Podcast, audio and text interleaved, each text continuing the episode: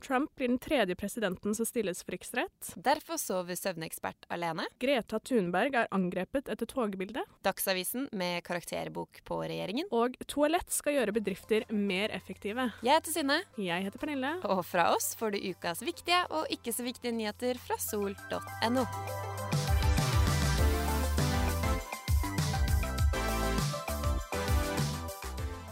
Velkommen til Sol snakkes. Nå er det bare i underkant av en uke til eh, jul. Gleder du deg til ferien, eller Sine? Jeg gleder meg, men jeg må si at uh, akkurat dagen i dag fikk en sjokkerende start.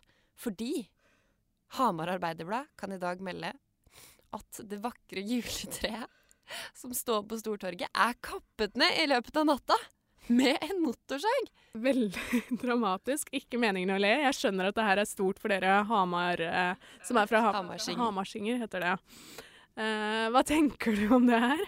Jeg syns det er helt forferdelig. Og jeg håper jo bare at de, de For nå er det direktesending av, en, av at de setter opp dette treet igjen.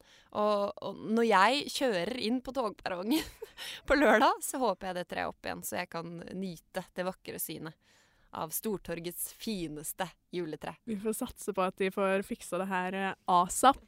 Ja. Men eh, spørsmålet ditt var jo om jeg gleder meg til jul. Og det gjør jeg. Jeg har null julestemning i år for første gang i mitt liv. eh, men eh, det blir deilig med ferie. Det blir det. Ja, det skal bli godt å komme hjem igjen. Komme hjem igjen. Men vi, vi, har jo fortsatt Nyhetene ruller jo selv om det er jul.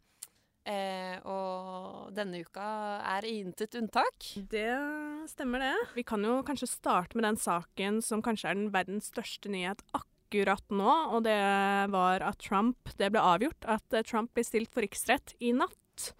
Han blir da den tredje presidenten eh, det her skjer med. Ja.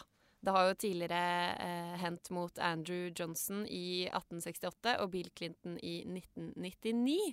Men hva vil dette si, Pernille? Lett eller enkelt forklart så vil egentlig ikke det her ha så veldig mye å si. Sånn mest sannsynlig så vil ikke Donald Trump eh, Eh, bli avsatt som president. Eh, han vil heller ikke komme i fengsel eller noe sånt. Eh, men grunnen til at han blir stilt for riksrett nå, det er anklagen om maktmisbruk i den såkalte Ukraina-saken, hvor Trump angivelig skal ha brukt sin makt for å holde tilbake midler for å få dritt på Biden-familien. Ja, den har vi jo faktisk forklart her i, her i Solsnakkis tidligere. Ja, så da Om man eh, vil gå litt dypere inn på det, så kan man bare gå tilbake og høre den episoden.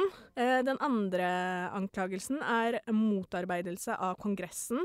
Og det er at eh, presidenten da skal ha hindret Det hvite hus og andre deler av administrasjonen til å utlevere dokumenter til Kongressen. Ja, og som da venta, så stemte jo da nesten alle demokrater for anklagene. Så det som skjer nå, er jo at saken da går videre til Senatet, eh, det, altså det andre kammeret i Kongressen, som vil ta stilling til da om eh, Trump er skyldig eller ikke. Eh, og mest sannsynlig, uten at det er helt avklart, så kommer han til å reddes av Senatet over nyttår, og vil fortsette da å sitte som president i USA. USA. I 2020.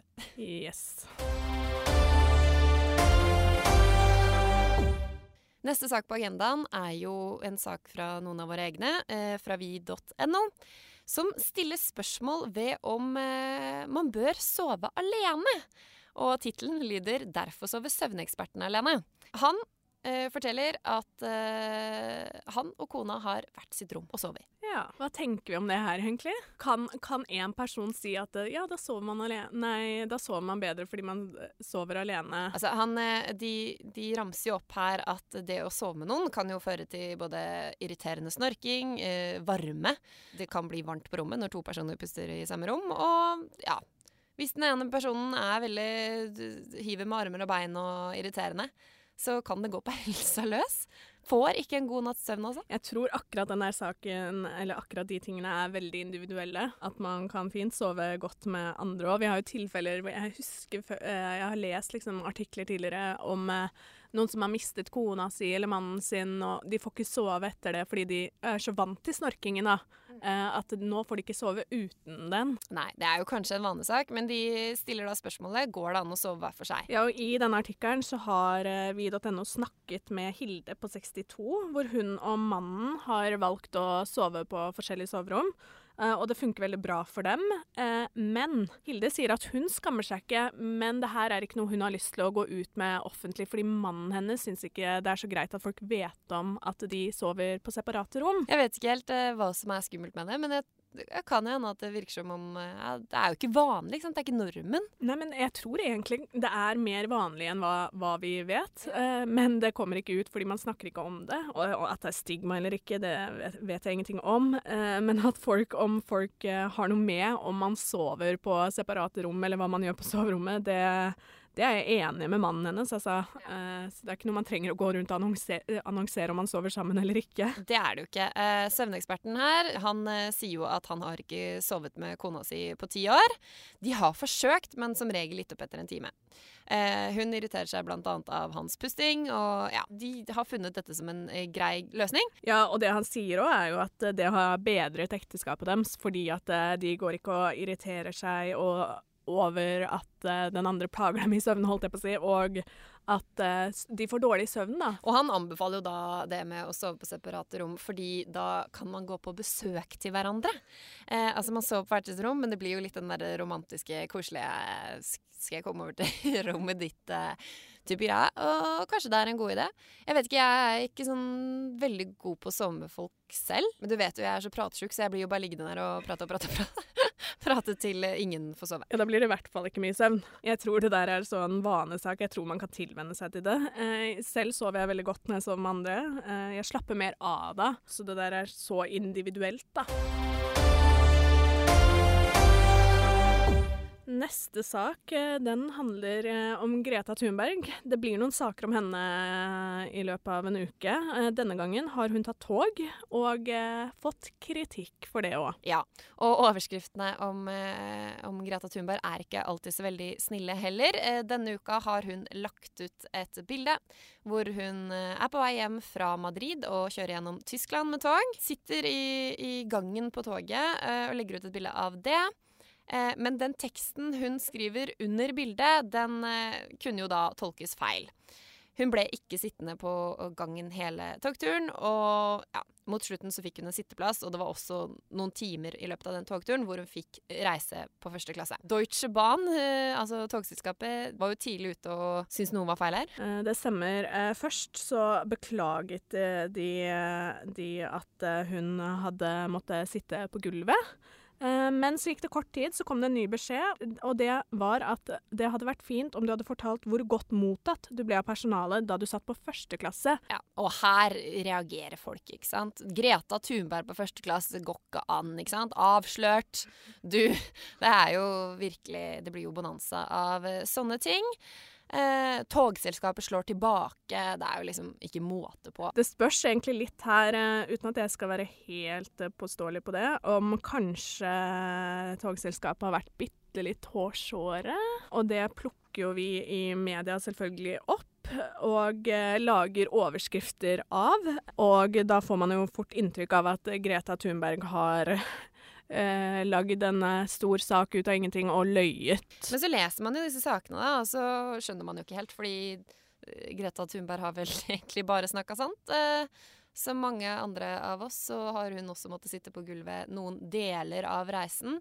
Er det ikke bare flott med slappa av tog, egentlig? Eh, og hun har vel heller ikke klagd på det? Nei, altså når jeg, har sett, når jeg har sett innlegget hun la ut som har fått all denne oppmerksomheten, så har ikke jeg tenkt noe over at det er klaging eller noe som helst. Det er bare situasjonen der og da.